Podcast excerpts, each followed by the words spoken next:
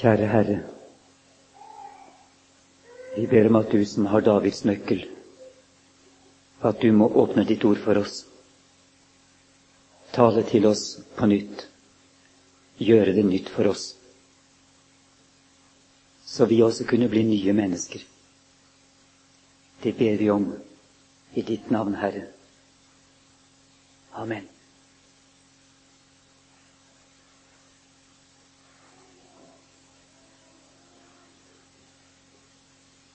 Jeg tror det skjedde ute i haven utenfor Luthers hus, der han ofte gikk ut for å be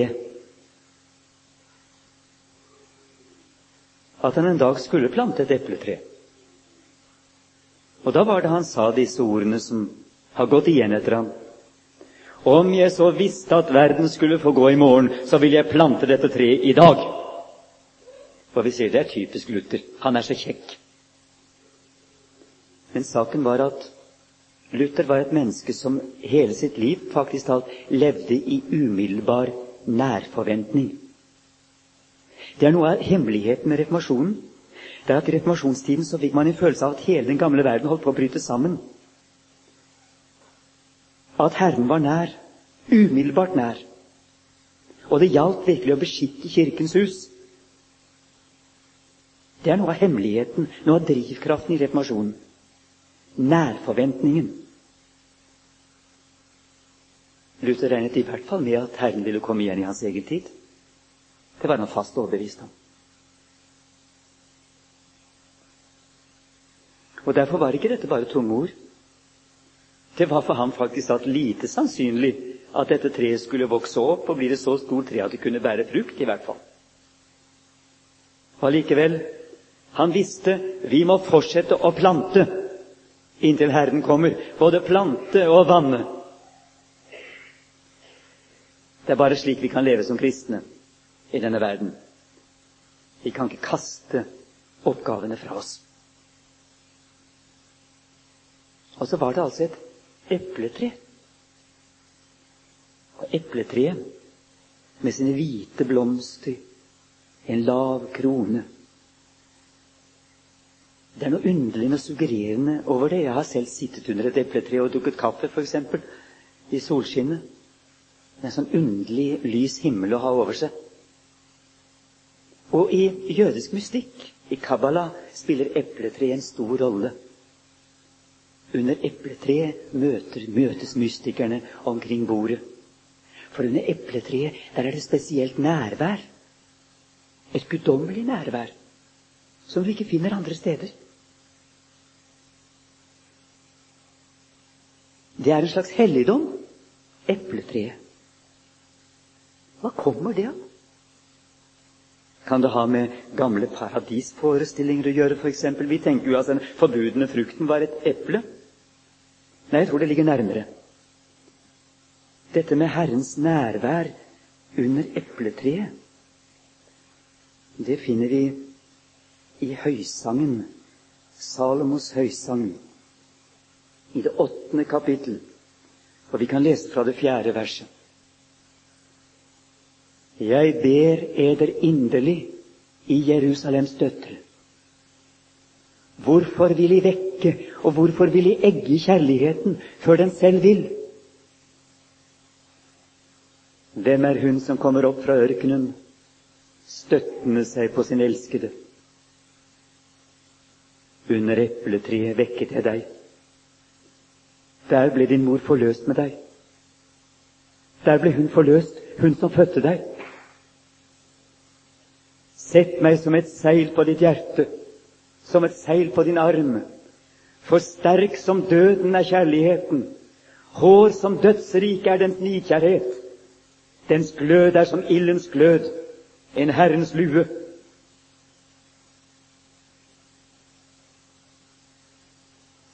Under epletreet vekket jeg deg.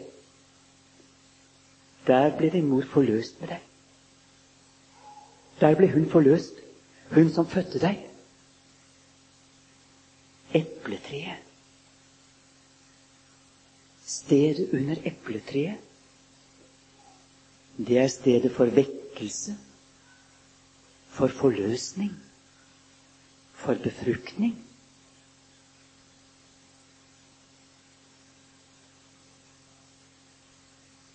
Og det står 'plantet i høysangen'. Sangen om Herren og Hans brud. Sangen om Guds egen kjærlighet til sin menighet.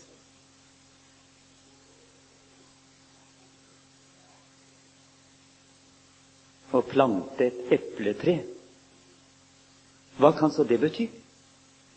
Det må bety å plante et, en menighet.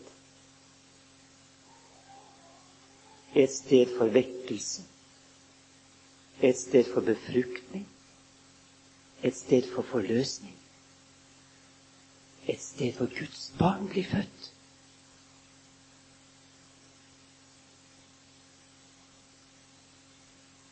Det er selve helligdommens tre. Det er stedet.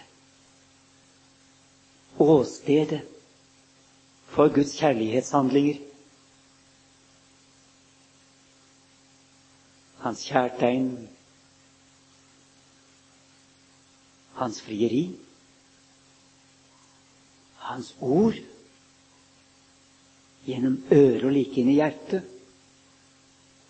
og hans nærvær.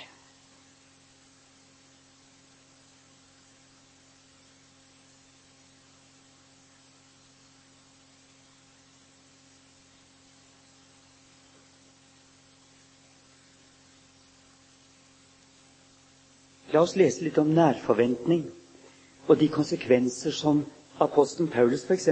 trekker av nærforventningen. Av denne plutselighet som de kristne må leve i. Da kan vi lese f.eks. i første Tesalonikerbrev, i det femte kapittel. Fra begynnelsen.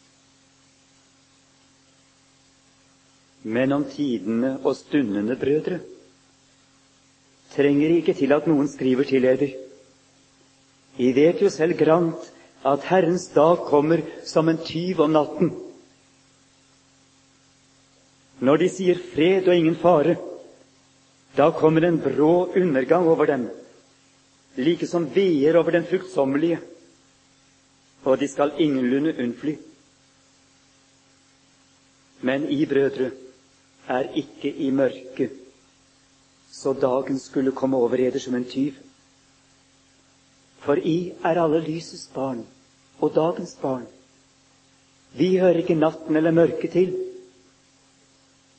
La oss derfor ikke sove som de andre, men la oss våke og være edrue. De som sover, sover jo om natten. Og de som drikker seg drukne, er drukne om natten. Men vi som hører dagen til, la oss være edrue, ikledd troens og kjærlighetens brynje og med håp om frelse som hjelm. For Gud bestemte oss ikke til vrede, men til å vinne frelse ved vår Herre Jesus Kristus. Han som døde for oss, for at vi, enten vi våker eller sover, skal leve sammen med Ham.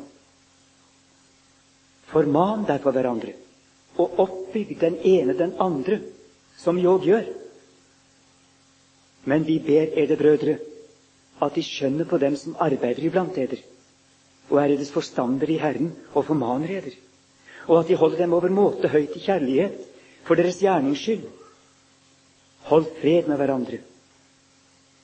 Og vi formaner eder brødre, påminn de uskikkelige, trøst de mismodige, hjelp de skrøpelige, Vær langmodig mot alle. Se til at ingen gjengjelder noen ondt med ondt, men legg alltid vind på det som godt er, mot hverandre og mot alle. Vær alltid glade. Be uavlatelig. Takk i alt, for dette er Guds vilje Kristus Jesus til eder. Utslukk ikke ånden. Ringakt ikke profetisk tale. Men prøv alt. Hold fast på det gode. Avhold eder fra all slags ondt men han selv, fredens Gud, hellige eder helt igjennom. Og giv eders ånd og sjel og legeme må bevares fullkomne, ulastelige, ved vår Herre Jesu Kristi komme. Han er trofast som har kalt eder. Han skal òg gjøre det. Og Alt dette springer ut av nærforventning. Fordi Herren kommer. Umiddelbart. Like for døren står han. Så skal alt dette skje. Og hva er det egentlig det handler om? Det handler om å plante levende menigheter. Det handler om å virkeliggjøre Guds rike i et menneskelig samfunn her og nå. Like på grensen av Guds rikes innbrudd i vår verden. Altså egentlig er menigheten som et vitnesbyrd om det som kommer. Allerede innstilt på det som kommer, som om det var nærværende virkelighet. Men enda i vår verden. Det vi kunne kalle ja, det er en endetidsmenighet. Og det er enhver kristen menighet. En endetidsmenighet som står i pakt med det som kommer, og ikke med det som forgår.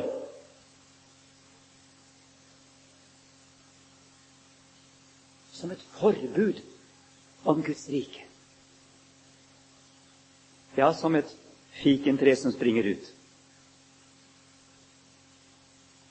Og alt på grunn av nærforventningen Guds rike er på en måte virkeligere enn dette omkring oss som er i ferd med å falle sammen. Og det er dette vi bekjenner oss til, det som kommer. Og det er det som er virkelighetsgrunnen og motivet, drivkraften, i det som heter menighet. Det er det eschatologiske, det er endetidsepletreet som står der og som ikke skal få gå med denne verden, men bære frukt i Guds rike.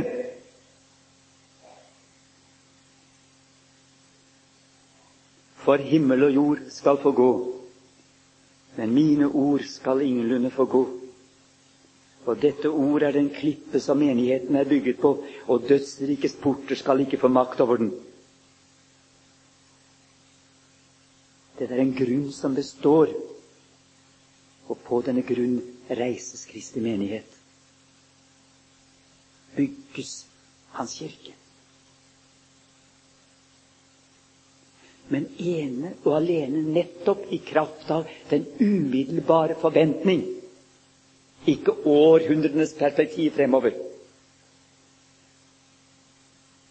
Ikke tanken om at vi må bygge opp noe som kan vare i hundrevis av år for Slekter skal komme, og slekter skal få gå, ikke sant? Og hva er det hvordan det heter? Og tider skal komme, tider skal henrulle, slekt skal følge Nei, det er ikke det som er pilegrimsholdningen.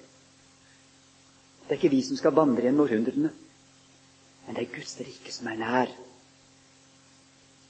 Det som forkynnes.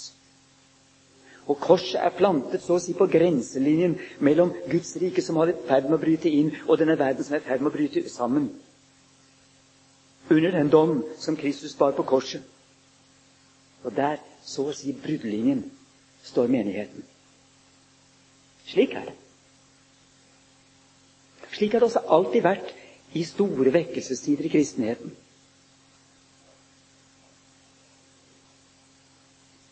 Og Derfor bør også vår tid bli en slik kirkeplantetid, menighetsplantningstid, og har gode forutsetninger for å kunne bli det.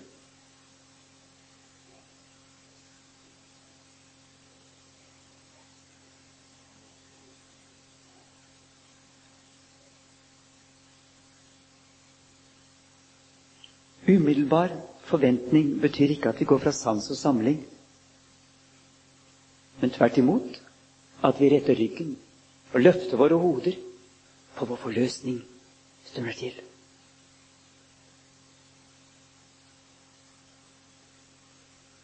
Handler om forløsning. Det handler om vekkelse.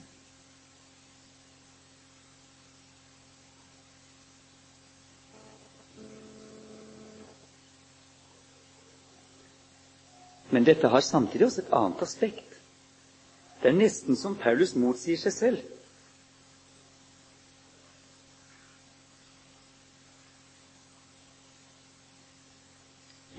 Annet Tessalonikerbrev, i det annet kapittel,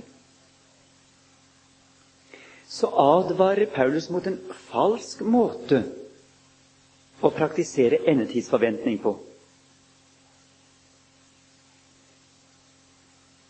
Han sier fra begynnelsen av det andre kapittelet i 2. Tessalonikerbrev Vi ber ere, brødre, vedkommende vår Herre Jesu Kristi komme og vår samling med Ham, at De ikke så snart må la eder drive fra vett og sans, eller la eder skremme, verken ved noen ånd eller ved noen tale eller ved noe brev, like som det skulle være fra oss, som om Herrens dag sto for døren. La ingen dåre eder på noen måte,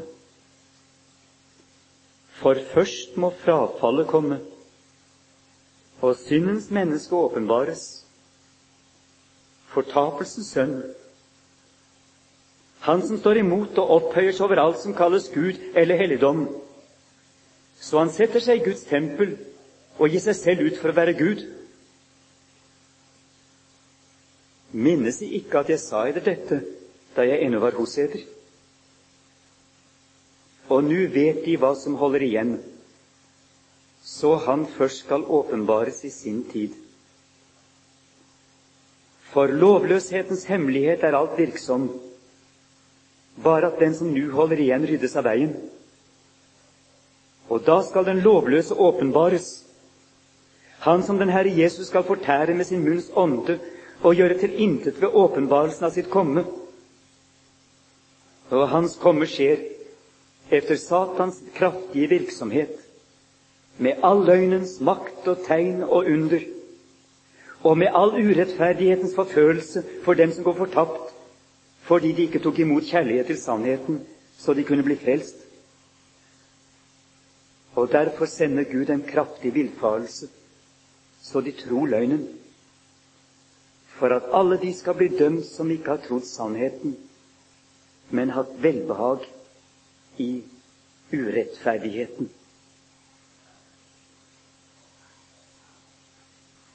Og Her har vi sånn merkelig motsetningen igjen.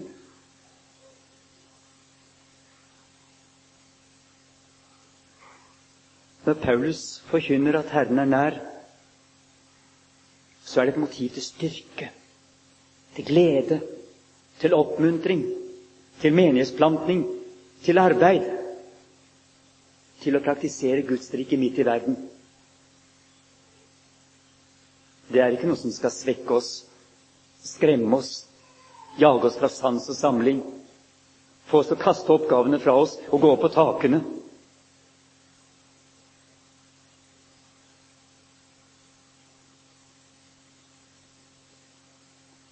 Han er sikker i sin sak når han møter disse vranglærerne som skremmer menigheten opp. Dette er falsk nærforkynnelse. Det er å gjøre Herren til et skremsel.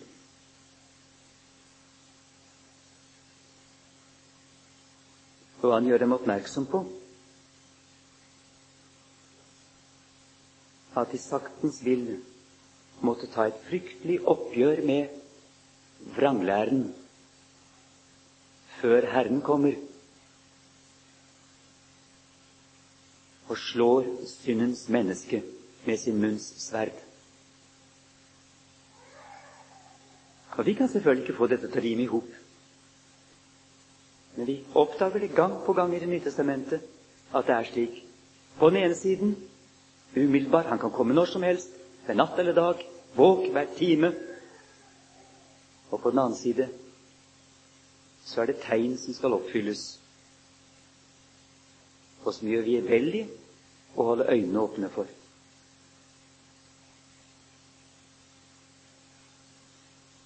Jeg kan ikke få dette til å henge i hop skikkelig, men det henger nok i hop. Er menigheten plantet endetidsmenigheten, som er i pakt med den kommende Herre, og ikke vet noen annen konge og Gud enn ham, så vil denne menigheten måtte ta et oppgjør med denne verdens herre og fyrst. De får en kamp på liv og død med ham, som det står i åpenbaringsboken i det tolvte kapittel. De har seiret over ham i kraft av lammets blod og det ord de vitnet, og de hadde ikke sitt liv kjært like til døden. Martyriet kommer Kirken aldri utenom, fordi den utfordrer verden og verdens fyrste til en kamp på liv og død. Og det hører også endetiden til. Kanskje ikke det er noen motsetning der. For det er denne visshet om Herrens nærvær, at Herren har seiret, at Han kommer, som fører menigheten inn i konfrontasjon med løgnmaktene i verden.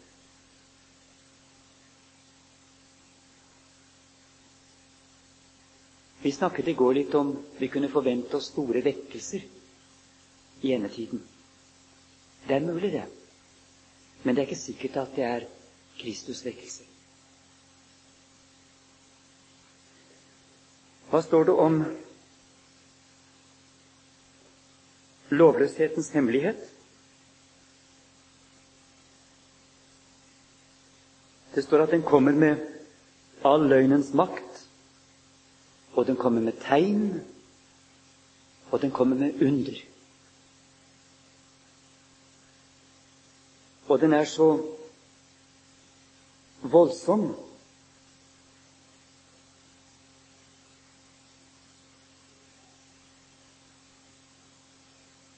at også de utvalgte skulle føres vill om det var mulig. Det står et annet sted om at hvis ikke disse prøvelsene ble forkortet, så ville ingen bli frelst.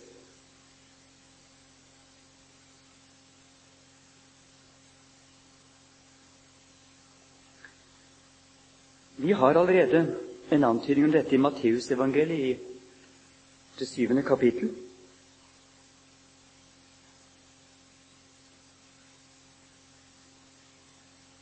Det står om frukter.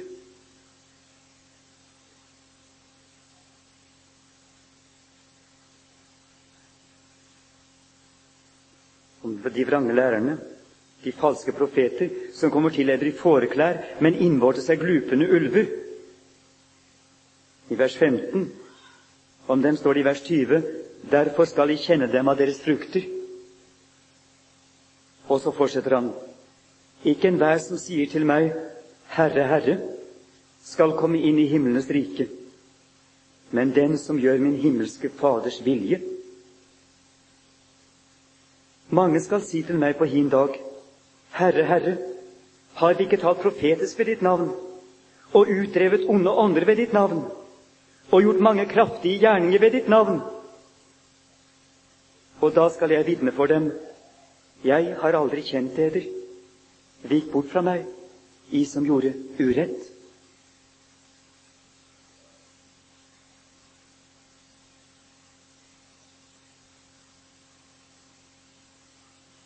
Vi står altså ikke uten videre overfor en genuin vekkelse fordi om kraftige gjerninger blir gjort i Jesu navn, Store under blir gjort i Jesu navn, og demoner blir drevet ut i Jesu navn. Det er i seg selv et tvetydig tegn.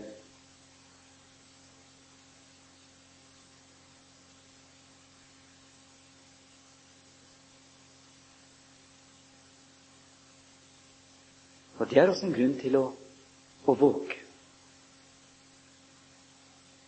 Og I sin apokalypse, som vi siterte i går, så advarer jo også Jesus nettopp mot de falske Messiaser, antikristene, som er til forveksling lik, ja, så lik at de troende lett lar seg forføre.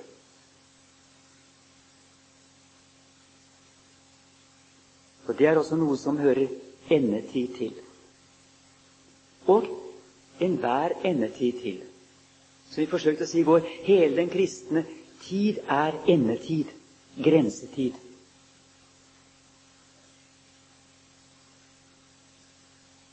Men Vi har lov til å se det slik at vi kan si at disse bølgene de topper seg stadig høyere og høyere. Det ser ut som det går mot et slags tegnenes klimaks. Det våre forfedre trodde var de siste tegn, fordi de var de samme tegn som Jesus hadde forkynt. De gjentar seg i vår tid, men bølgene blir stadig høyere. Man taler om hundreårsbølger, og snart vil man tale om tusenårsbølger når hav og brenninger bruser. Og Det samme vil kanskje komme til å gjelde jordskjelvene, og til slutt pesten og hungeren som går over jorden.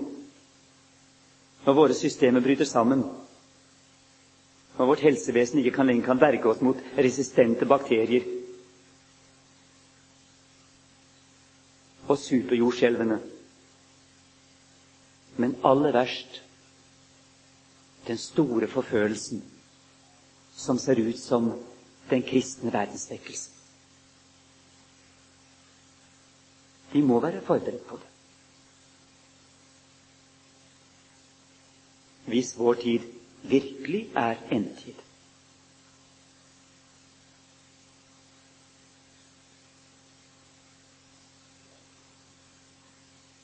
Derfor er endetiden også en tid til å prøve åndene og til å holde seg nær til Herren og Herrens klare ord. Og aldri gå utenfor ordet.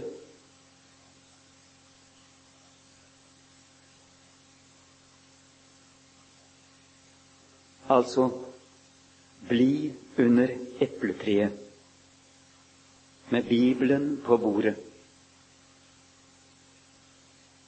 Nær Guds virkelighet. Vår kristendom er ikke et stageshow.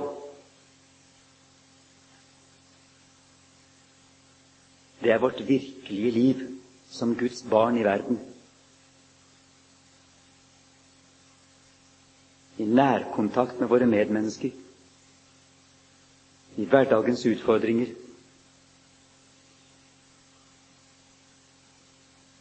Og det er i nærkontakt med Han som vandrer gjennom havet når dagen blir kjølig, og finner sitt barn igjen der.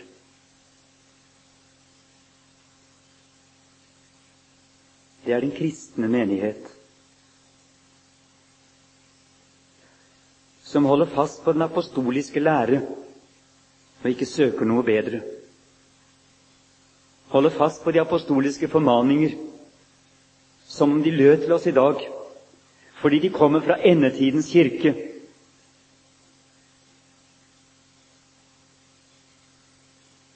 holder fast på de hellige sakramenter i all enfoldighet.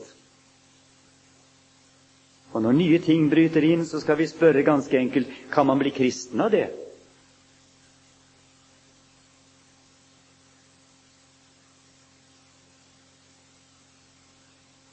Vi trenger ikke sensasjoner. Vi trenger mat.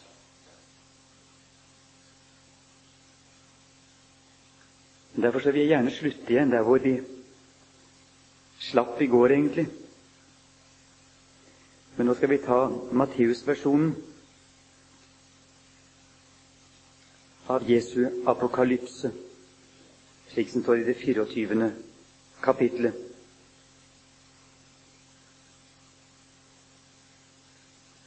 Vi skal ikke lese hele.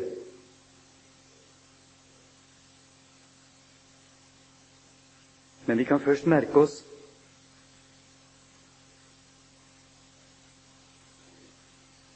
24. verset.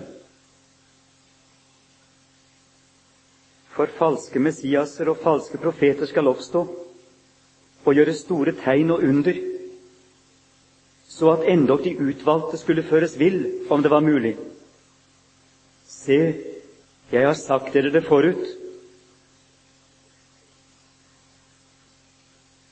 Om de da sier til leder, se han er ute i ørkenen, da gå ikke der ut. Se han er inne i kamrene, da tro det ikke. For som lynet går ut fra øst og skinner like til vest, således skal menneskesønnens komme være.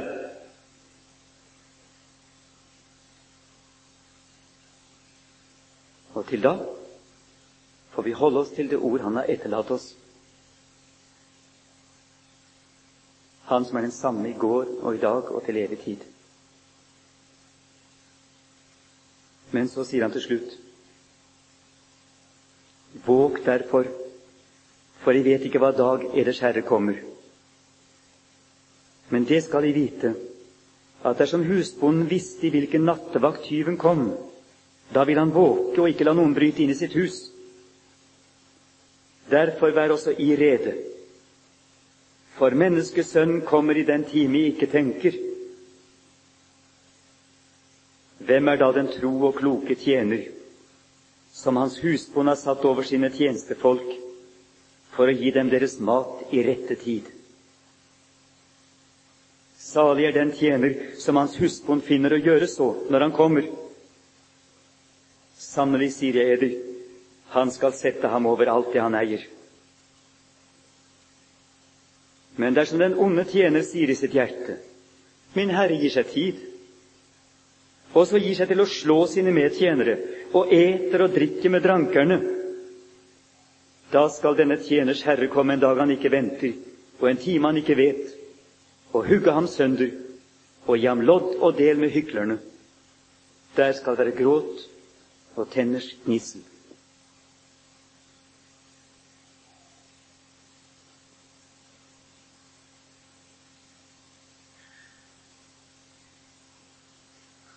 Det er et fenomen som vi bør merke oss. Det står veldig lite om aktiv misjon i Det nye testamentet. Det står apostlenes gjerninger. Det står der. Men det står lite om menigheter som driver aktiv misjon. Det ser ut som at det viktigste som skjer, egentlig er menighetsplantning. Det er slik kristendom bres ut i det romerske riket. Ved at menigheter plantes og praktiserer kristendom. De blir som et utstillingsvindu, på en måte. De viser Guds virkelighet. De viser det riket som kommer praktisert i vår verden. Apostlene forkynner, planter menigheter. Men misjonen er ikke noe endemål i seg selv, men det er menighetene som vokser, og som høster inn.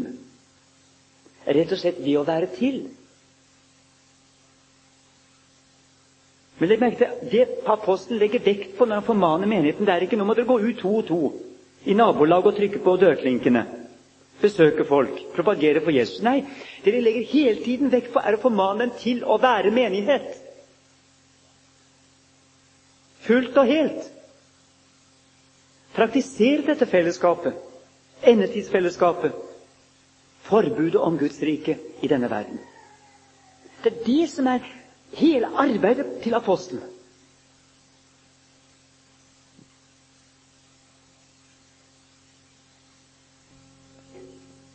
Ved å være det de skal være.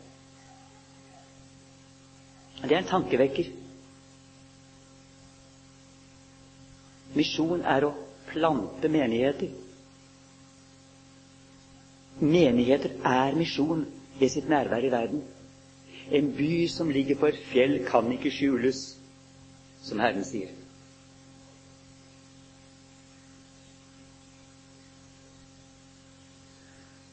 Kjære Far i himmelen. Vi takker deg for at ditt ord er mye rikere enn vi formår å uttrykke. At vi aldri blir ferdig med det.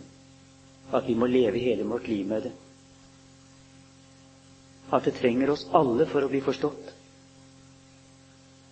Vi ber om at du må hjelpe oss. Åpne ordet for oss. Gi oss lyst til å lese det. Smak på det. Og at vi kunne begynne å samtale om det. At vi kunne bo iblant oss rikelig. Ja, at vi kunne formane hverandre med salmer og lovsanger og åndelige viser til din ære.